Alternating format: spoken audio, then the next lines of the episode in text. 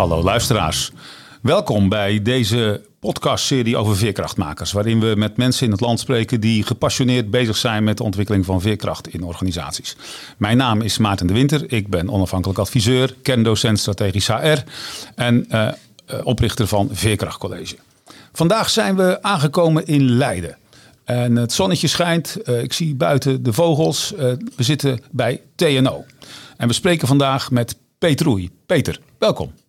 Hallo uh, Maarten, uh, dank voor de uitnodiging. Ja, ontzettend leuk om, uh, om met jou te spreken vandaag over, over veerkracht. de ontwikkeling van veerkracht, in innovatie. Dat is eigenlijk het centrale thema vandaag. Um, ik wou eigenlijk beginnen, Peter, met de vraag: wat is jou als het gaat over veerkracht in de afgelopen week opgevallen, in de actualiteit? Ja, dat, uh, uh, ik moest natuurlijk denken aan de oorlog in de Oekraïne. Ja. En wat me daar eigenlijk opvalt, is toch de veerkracht van de mensen daar, gegeven de enorme ellende waarin ze op dit moment verkeren. Ja. En dat blijkt eigenlijk, denk ik, uit ja, hoe ze zich inzetten om uh, uh, met hun eigen normen en waarden te proberen hun land te verdedigen. maar ook als je ziet mensen die weg moeten trekken. Met een enorme dankbaarheid, maar ook met een enorme veerkracht nieuwe dingen oppakken, aan de slag gaan. en dat zie je aan de kant van Oekraïne, maar ook buiten Oekraïne zie je enorm veel veerkracht in de zin van hoe reageren anderen daarop. Ja. Vooral als je kijkt naar de hulpverlening en de ondersteuning. Uh, ik zie in mijn uh, omgeving de mensen die de gekste dingen doen om uh, allerlei activiteiten op te zetten om die mensen te steunen. Ja, ja mooi. dus ja, de, ik denk dat die, die, veerkracht, dat die tekenend is misschien wel voor de mensheid, dat in tijden van ellende, dat we toch manieren zoeken om een wending daaraan te geven. Dat is een hele mooie hoopval boodschap. dankjewel daarvoor, Peter. Peter, hoe ben jij professioneel op het thema van veerkracht terechtgekomen? Uh, ja, dat is een. Uh, uh, eigenlijk is dat vanuit het idee dat je ziet dat mensen beginnen aan innovatieprojecten, maar dat die vaak falen. Oké. Okay. en ik was gefascineerd door de vraag: hoe komt dat nou eigenlijk? Ja. en toen heb ik aan de ene kant heb ik me verdiept in de complexiteit van innovatievraagstukken. Mm -hmm. Uh, daar valt al een heleboel uh, over te vertellen. Uh, en aan de andere kant heb ik gekeken naar hoe, men, hoe mensen zich gedragen in die projecten. Ja. En dan kom je op inzichten van defensief gedrag. Oké. Okay. Daar kun je ook een heleboel over vertellen. Ja, ja. En kenmerkend voor innovatieprojecten is dat ze vaak vol zijn van ambiguïteit, van tegenstrijdigheden, van paradoxen. Okay. Ik geef altijd het voorbeeld dat als je een projectleider vraagt van hoe gaat het met, met je project, dat je dan Mhm. ziet dat de taakstelling die zo iemand heeft er eentje is van innoveer, maar let op je centen. Oké. Uh, en als dat de opdracht is die je meekrijgt, innoveer, maar let op je centen, Ja. dan zie je dat mensen geneigd zijn om de dingen te doen die tastbaar zijn, makkelijk, uh, Ja. begrijpbaar. En dan gaan ze vooral letten op de centen. En Ja. dat is nou eigenlijk net niet wat je wil. Je wil dat ze juist letten op die innovatie. Maar die innovatie is complex en die wordt geconfronteerd met defensieve gedragingen. Dus uh, als men gaat letten op de centen, dan heb je eigenlijk als eindresultaat dat de innovatie niet lukt, dat de innovatie te duur wordt en dat je dus een heel grote kans hebt dat die innovatie faalt. Ja. Dus je moet iets doen met die complexiteit en dat defensieve gedrag. En dat is eigenlijk uh, hoe ik uh, terecht ben gekomen bij uh, ja, zoiets als resilience en veerkracht. Wat boeiend. Als je nou daar nou, voor jezelf op reflecteert, wat, wat maakt dat jij hierop aangaat? Kun je daar iets over zeggen? Waarom is, heeft dit nou jouw passie? Nou, ik vind, uh, moet ik misschien iets zeggen over het werk wat ik doe ja, uh, bij graag, TNO. Ja. Uh, Iedereen weet dat TNO uh, vooral een uh, technologisch georiënteerde organisatie is. Maar niet iedereen weet dat ongeveer 20% van de medewerkers bij TNO dat zijn sociale wetenschappers. Uh, sociologen, historici, economen, psychologen, bedrijfskundigen. en bij die groep hoor ik. Ja. en wij kijken naar innovatie vanuit de kant van organiseren en mensen. Ja. Dus eh, als je het hebt over innovatie, innovatiemanagement, dan kom je al gauw terecht bij uh, kreten zoals uh, sociale innovatie of zoals dat in het Engels heet, workplace innovation. Ja. En waar het eigenlijk om gaat is, je moet niet alleen kijken naar de technologie als je innoveert, maar je moet een balans zoeken met organiseren en mensen, kort gezegd. Nou, mijn drijfveer om bij veerkracht uh, uit te komen is dat mijn passie is om tegelijkertijd te werken aan het verbeteren van de bedrijfsperformance van Ja, organisaties, ja. maar ook zorgen dat mensen die werken in die organisaties goed werk hebben, een goede kwaliteit van de arbeid. en juist bij projecten waar het ingewikkeld is uh, en complex, uh, zie je Ja. uh, dat er vaak een dominantie is van bijvoorbeeld de technologie of van bedrijfseconomische motieven. Dan is het niet meer en-en, maar dan wordt het of-of. Precies, Zeg je ja, dat eigenlijk? Ja, ja. en dat betekent dus eigenlijk een onderschatting van uh, het belang van uh, zeg maar organisatorische en personele aspecten. Uh, dat je daar aandacht aan moet besteden om juist die balans te vinden. Ja. Nou, dus dat fascineert me om te kijken van hoe kan je dat nou eigenlijk doen. En daarom ben ik iemand die vooral zich bezighoudt met het maken van spelletjes, games, tools, methodes. Ja. Uh, om uh, ervoor te zorgen dat uh, ja, de gebruikers daarvan geholpen worden met de toepassing daarvan. Om die ingewikkelde vraagstukken eigenlijk beter hanteerbaar te maken. Zodat ze zowel, begrijp ik, hè, dus de, de, bedrijfsperformance of de organisatieresultaten goed, dat ze daar goed aan werken. Als ook ja, de kwaliteit van het werk op, op, op orde blijft en Ja, op orde is of op orde ja. komt. Ja, dat is inderdaad de doelstelling en dat is ook mijn drijfveer. Ja, ja, Ja. ja. Als we dan eens naar specifiek gaan naar dat begrip veerkracht. Hè? Want er zijn natuurlijk heel veel manieren waarop je hieraan zou kunnen werken. Of er wordt op langs ook eh, verschillende thema's aan dit onderwerp gewerkt. Wat is nou jouw specifieke visie op veerkracht dan in deze, in deze context? Ja, als je het koppelt aan innovatie, dan zou je kunnen zeggen: veerkracht is eigenlijk een, eh, een conditie, een voorwaarde die nodig is Ja, om ja. succesvol te zijn. oké. Want ik zei al, eh, de kans dat innovaties mislukken, die is vrij groot. Hè? Ja. In de literatuur kom je soms eh, getallen tegen in de zin van nou 70% van de innovaties eh, mislukken. Ja. Eh, en dan zegt men, ja, dat is niet erg. Als je maar voldoende blijft investeren, dan lukken er voldoende. En dus dat is zeg maar een vorm van financiële... Ja, veerkracht, ja, ja, ja, precies. Ja, ja, ja, maar het impliceert dat je je ervan bewust moet zijn dat en de vraag moet stellen: hoe ga ik nou eigenlijk om met tegenslagen? Want Ja. die komen er. Want het kenmerk van innovatie is: het is niet iets gestandaardiseerd. Dus je bent altijd met iets nieuws bezig. Dus je komt altijd eh, eh, eh, een aantal zaken tegen, zoals belangentegenstellingen, paradoxen, schijnbare tegenstellingen, missers, zaken die vastlopen. Ehm, dat Ja. kan je nog heel eh, nuchter beschrijven, maar dan gaat het er ook om hoe zitten wij daar nou eigenlijk in als mensen en als organisatie. Eh, hoe gaan wij om met dit soort ingewikkelde zaken? En vaak hebben we eh, de behoefte om de complexiteit uit de weg te gaan en zaken te simplificeren. Maar wat je eigenlijk moet doen is openstaan voor die complexiteit en daar je veerkracht op ontwikkelen. Ik kwam een, keertje bij een, een onderdeel van, van TNO waar ik moest zijn. En toen beklaagde iemand van de receptie zich van, eh, over in, in termen van... God, het is altijd wat anders, altijd wat nieuws, altijd wat... eh, eh, altijd is het anders dan ik verwacht. Eh, ik zeg, ja, dat is niet zo erg, want dat is onze core business. Dat is juist waar we mee om moeten zien te gaan. Dat Ja. het altijd anders is en soms vervelend. En dat we ons moeten wapenen. Oké, oké. Dus, eh, eh, dus het is nodig. Het is nodig.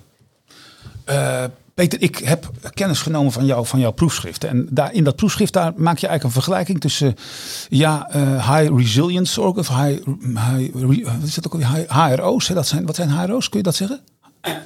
High reliability. High reliance. organizations. Ja. Wat noemen ze een voorbeeld van een HRO? Nou, HRO betekent dus hoge betrouwbaarheidsorganisaties. En dat zijn organisaties die eh, eigenlijk eh, te maken hebben met eh, een grote kans dat dingen fout gaan. Of zich moeten instellen op rampen, en gijzelingen. Ja, ja, ja. Denk aan nucleaire powerplants, maar denk ook aan ambulante zie- organisaties in zorg, politie, brandweer, ziekenhuis. Denk ook aan het leger. Ja.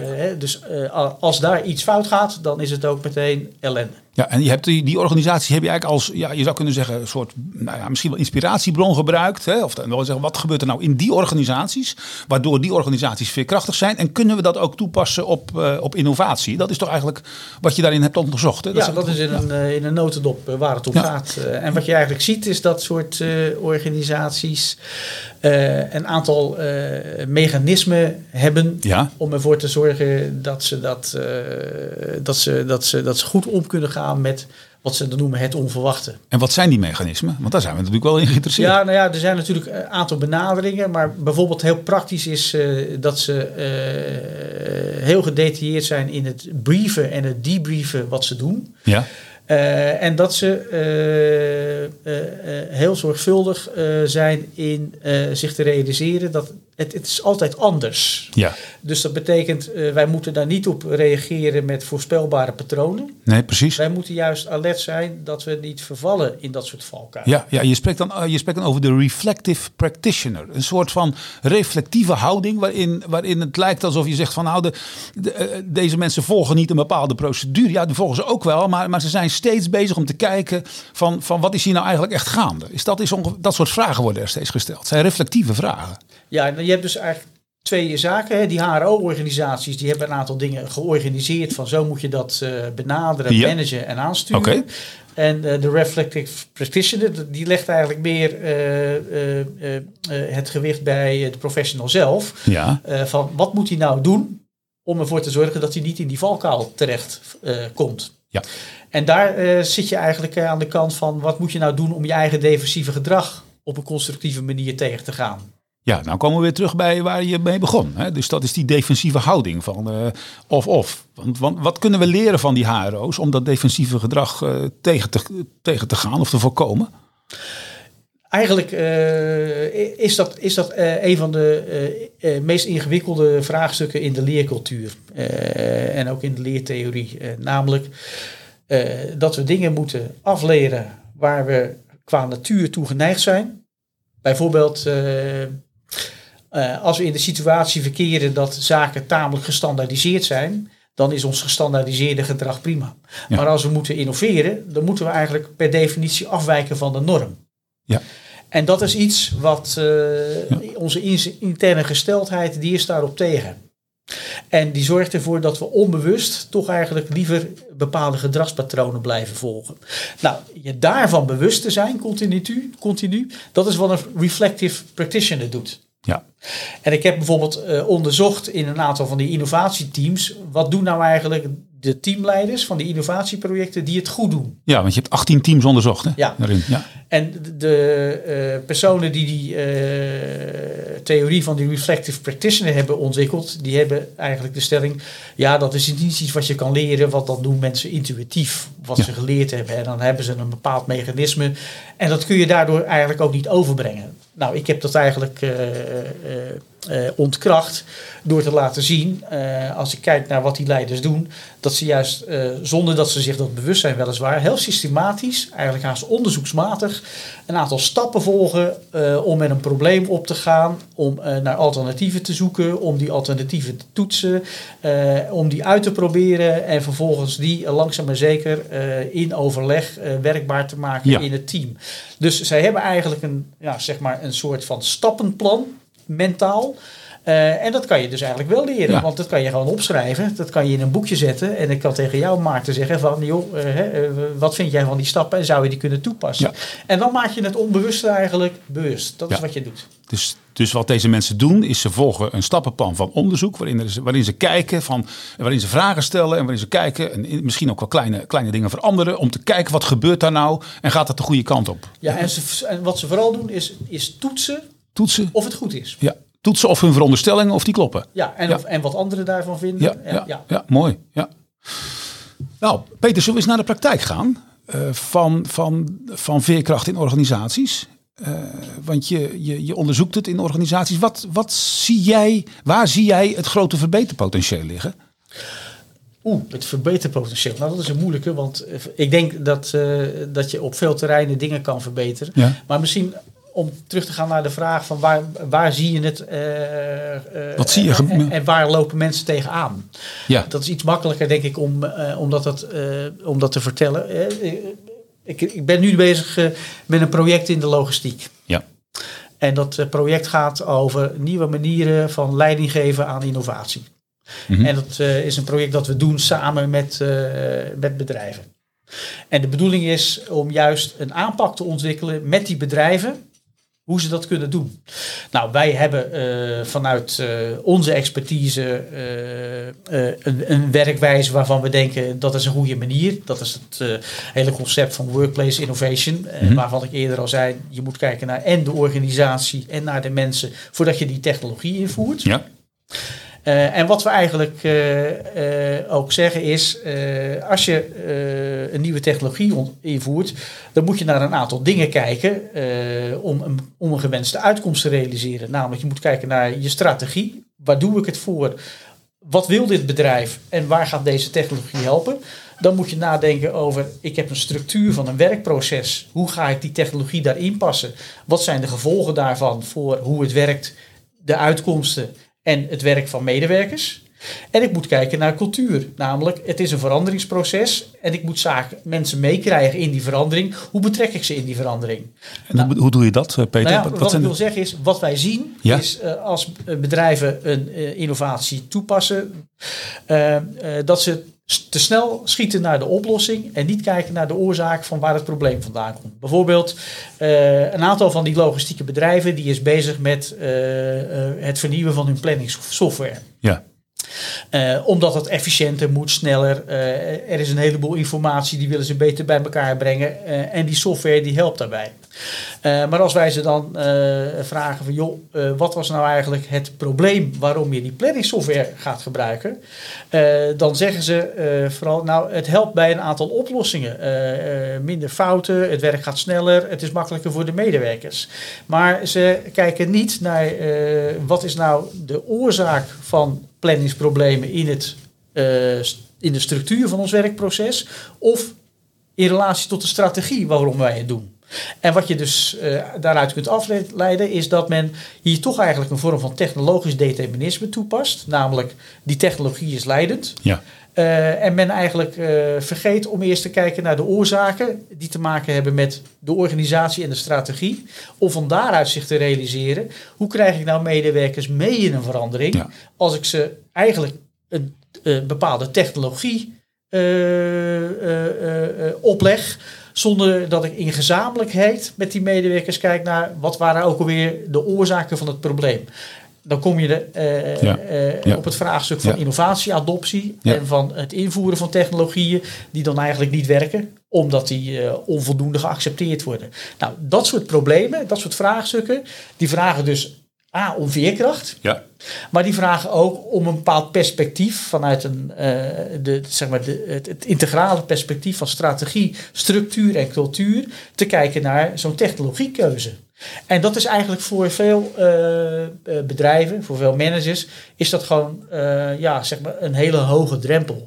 Het is makkelijker om meteen die oplossing te proberen toe te passen dan om dat andere te doen. En dat is precies eh, het probleem van veerkracht. Dat je eigenlijk terug moet naar de oorzaak en dat je dus eigenlijk af moet van eh, jumping to conclusions, Ja. maar juist op zoek moet gaan naar die oorzaken. Ja. Eh, dus dat is het voorbeeld wat ik Ja. gaf van die. Je, hebt eigenlijk, je zegt eigenlijk, het, het wordt iets te gemakkelijk gemaakt en dan, dan, ja, dan werkt het ook niet meer. We moeten er integraal naar kijken. Dus, hè, Het is een integrale manier van, van werken aan die organisaties. Dat is jouw... Eh, je moet oppassen dat je moet, je moet realiseren dat als je iets verandert, dat je rekening houdt met de som der delen. Ja, En niet met een afzonderlijk stukje wat je Ja. ergens uit een organisatie trekt en, en dan weer iets anders terugstopt. Eh, dat dat als een, als een apart onderdeel eh, het effect gaat hebben dat jij van tevoren zou willen. dus structuur, cultuur en strategie. Hè? De dingen die je doet. De dingen, hoe je het organiseert. De manier waarop je daarover met elkaar spreekt. En de manier waarop je met elkaar omgaat. Dat moet je eigenlijk als geheel zien. Ja, en dat Ja. is moeilijk. En, En dat is moeilijk, ja. En daarom doen de meesten het niet. En dat is eigenlijk het belangrijkste leerstuk waar we tegenaan lopen. Oké, super boeiend. Super boeiend. Ehm, Wat denk jij, uh, als je kijkt naar de ontwikkeling van, van, van, van, jouw, van jouw vakgebieden, van uh, werken aan veerkracht in organisaties, uh, van, van wat denk je dan, ja, ik zeg maar eventjes, dat, dat, wat is de ontwikkeling daarin? Hoe gaat dat nou? Hoe, hoe zie jij zelf je eigen rol in organisaties veranderen? nou ja, je zou kunnen zeggen, de, de veranderingen die komen voor een belangrijk deel van buitenaf. de kennis over complexiteit, over defensief gedrag. Ja. Uh, over wat je daarmee kunt en, en, moet, die hebben we eigenlijk al. Ja. De drijvende krachten van verandering, die zijn bijvoorbeeld nu digitalisering. Ja. Of die zijn uh, een toenemende druk op uh, het versterken van diversiteit en gelijkheid in bedrijven. Ja. Of de klimaatproblemen waar we mee geconfronteerd worden. Dat zijn de drijvers van verandering. Ja. Maar de oplossingen daarvoor in termen van organiseren en gedrag, die zijn er eigenlijk al. Dus je zegt, we, zijn, we, we zien nieuwe drijvers. We zien bijvoorbeeld eh, de, de, de Sustainable Development Goals. Zie je dat als een drijver van verandering op dit moment? Ja, ja. dat is Het. alleen uh, de, de, de, de vraag is eigenlijk, hoe uh, moet je daar dan zo mee omgaan... dat je dat uh, goed kan incorporeren in wat je aan het doen bent? Ja, ja, ja. ja. we doen dus nu bijvoorbeeld een project over digitale transformatie. En daarbij is de vraag om nou succesvol, zowel innovatief bedrijfsmatig als een goede kwaliteit van werk te realiseren. Inclusive growth heet dat dan. Uh, uh, wat moet je dan doen? Of wat zien we dat bedrijven doen om dat succesvol te doen? En dan zie je eigenlijk een combinatie dat ze ervoor zorgen dat werknemers in staat zijn om die technologie zich eigen te maken. Maar ook een, een, een, een C hebben in het verander- en implementatieproces. Omdat zij ook als professionals worden gezien. Dus je ziet eigenlijk een combinatie van digitalisering en inclusiviteit. Die twee tegelijkertijd. Die maken dat succesvolle in, bedrijven die omslag makkelijker maken. Omdat ze hun medewerkers op die manier eigenlijk ook als een zien van de verandering. Mooi, dankjewel. Nou, we gaan je hebt heel veel verteld. We gaan een beetje naar de afronding van de, van de podcast. Ehm, we hebben een, uh, een uh, LinkedIn-groep, Veerkracht in Organisaties. En ik heb daarin de vraag gesteld. Ja, we gaan met Peter Oeje aan in gesprek. hebben jullie misschien een mooie vraag? En Mark Telen, een van de mensen die daar heeft daar een, een vraag neergelegd. En hij legt eigenlijk een soort van dilemma neer. Hij zegt aan de ene kant, als je mensen, als je mensen wilt helpen veerkrachtiger te worden, hè, dan zou je, ben je geneigd om structuren aan te bieden. Hè. Je had het daar net ook bijvoorbeeld even over toen we het hadden over de reflective practitioner en de stappen die erin kan zetten. Aan de andere kant uh, zegt hij, uh, ja, je moet ook mensen zoveel mogelijk zelf laten ontdekken wat er nodig is. Hoe, hoe kijk jij naar dat dilemma? Ja, wat Mark eigenlijk uh, zegt is uh, wat uh, gekenmerkt wordt door de aanpak in wat dan heet de moderne sociotechniek. Dat is eigenlijk een Nederlandse variant van sociotechnisch denken. Ja. en die zegt ook, je hebt een structuur nodig waarin je het werk zo organiseert dat daar goede banen uit ontstaan. En het biedt mensen zoveel autonomie uh, dat ze daarin uh, de ruimte hebben om uh, een, een, bijdrage te leveren die ze veerkrachtig maakt. Ja. als ik het voorbeeld mag geven, we hebben de laatste jaren heel veel discussie gehad over zelfsturende teams. Ja. Ook vaak kunnen lezen, ze werken niet. Mm -hmm. maar dat je dan ziet dat uh, degenen die daarin falen, die kijken naar weer een van die twee dingen, structuur of cultuur. Namelijk in dit geval, we geven mensen de ruimte, de bevoegdheden en de werkdruk om het zelf te organiseren. Maar we kijken niet naar de organisatorische inbedding. Dat die mensen ook bijvoorbeeld inspraak moeten hebben over strategische keuzes die gevolgen hebben voor de structuur en de cultuur. Waardoor ze zelf een verantwoordelijkheid krijgen voor het herontwerpen van, van, die, van die processen. Ja, ja, ja, en die twee, die moet je dus eigenlijk bij elkaar brengen. Nou, hier zie je een voorbeeld. in de praktijk lijkt het niet te werken. Maar dat komt omdat men het niet goed toepast. Want als je bijvoorbeeld bijvoorbeeld kijkt naar uh, Buurtzorg Nederland. Die hebben een perfecte manier gevonden om het te doen. En spreken niet over sociotechniek, niet over sociale innovatie. Misschien zelfs niet over zelfsturing. Maar ze hebben precies die veerkracht ontwikkeld. Waarvan ik bedoel structuur en cultuur bij elkaar brengen op zo'n manier dat je balans hebt. En ik denk dat Mark dat ook bedoelt. En waarom dat ingewikkeld is, ja, daar hebben we het eigenlijk uh, het laatste kwartier over gehad, uh, Maarten. Peter, ontzettend bedankt voor jouw visie op veerkracht. Luisteraars, ontzettend bedankt voor jullie aandacht, voor uh, wat Peter te vertellen heeft. Ik hoop jullie te zien bij een volgende podcast. Ik wil ook IPMA bedanken voor het mogelijk maken van deze opname. Die hebben ons daarbij geholpen. Ehm, en hiermee sluit ik deze, deze podcast af. En ik hoop tot de volgende keer.